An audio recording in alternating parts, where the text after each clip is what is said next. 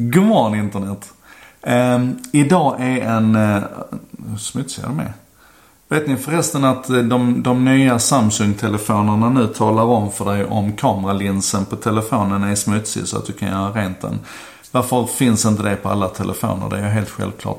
Men det var inte det vi skulle prata om. Vi skulle prata om att Duolingo, jag får äntligen en, en, ett utrymme, en, en, en anledning att prata om Duolingo. Jag vill ju ha nyhetskrokar till det jag ska prata om och äntligen har jag fått en sån krok för Duolingo som är en, en tjänst, en applikation som jag verkligen älskar. Ni vet, jag kan bli så nördigt förälskad i vissa tjänster och Duolingo är en sån. Den, eh, den finns alltså till för att lära dig språk. Det hörs nästan på, på uttrycket. Eh, och det finns ett 30-tal olika språk. De flesta bygger på basspråket engelska. Det finns några språkversioner, katalan till exempel, som bygger på spanska som basspråk. Men annars så måste du kunna engelska för att ha fullt utbyte av, av eh, eh Duolingo. Eh, men en kul parentes redan nu förresten, på tal om det här med språk. De kan ju se vilka språk som folk försöker lära sig i olika länder. Och eh, sist de gjorde en sån, eh, en sån rapport så är det tredje vanligaste språket i Sverige att lära sig. Vet ni vilket det var? Svenska. Visst är det häftigt? Det är alltså alla våra, våra nysvenskar som använder Duolingo med engelska som basspråk för att lära sig svenska. Anyway, Duolingo är skitkul. Man har liksom verkligen så här gamifierat, eh, man har tagit vara på allt, allt roligt och, och quirky som finns i språk. Jag har till exempel jobbat mycket med, med att lära mig spanska.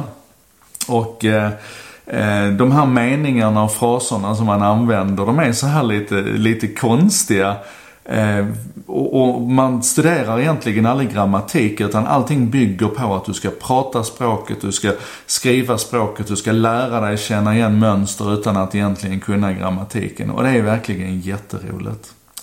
Det man har gjort nu det är att man har skruvat till det här lärandeträdet som man kallar det. För det är ju, som jag sa, det är gamifierat och det bygger på att, att, man, att man når olika levels och man kan, man kan få vissa achievements och man kan göra streaks och ja, ni vet allt det här som, som, som vi brukar förknippa med spelifiering. Det finns i Duolingo.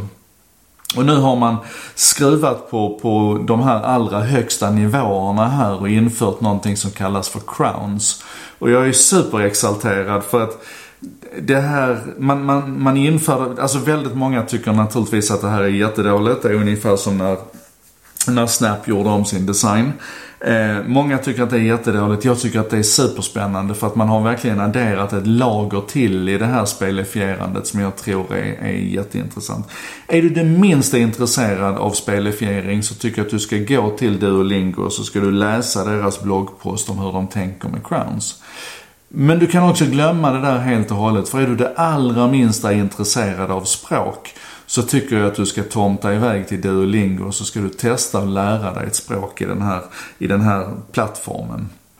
Och det är alltså alldeles gratis. Eh, smartskallen som kom upp med det här en gång i tiden, eh, Louis van An, von An, Louis van An heter han. Han är från Guatemala.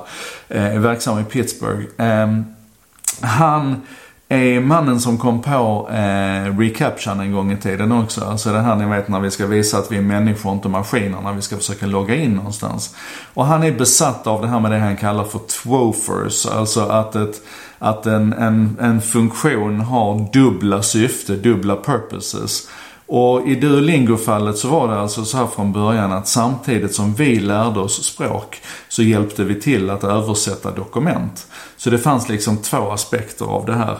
Nu har det visat sig att översättningar finns det bättre sätt att göra än Duolingo. Så att nu har man en, en annonsfinansieringsmodell istället. Men det är väldigt unintrusive och väldigt ostörigt och du märker nästan inte att det är en, en, en gratis tjänst som är annonsfinansierad. Sätt igång med Duolingo nu och så fundera på det fantastiska i att en sån här språktjänst finns tillgänglig för oss alldeles gratis. Um, ja, det är en grym värld vi lever i och jag älskar Duolingo. Det här var En sak idag nummer 183 tror jag. Eh, presenterat av mig Joakim Jardenberg med benäget bistånd ifrån vännerna på Bredband2. Internetoperatören som gärna lyssnar när andra snackar. Eh, det textas till svenska och översätts till engelska av eh, Contentor som jobbar med modern marknadsföring, översättningar och eh, redaktionella texter på nätet. Och allt det här kommenteras och görs möjligt bland annat med, med hjälp av dig då som hjälper till att kommentera och bidra. Och vem vet, det kanske blir en, en sak idag på spanska om jag lyckas med mitt duolingande.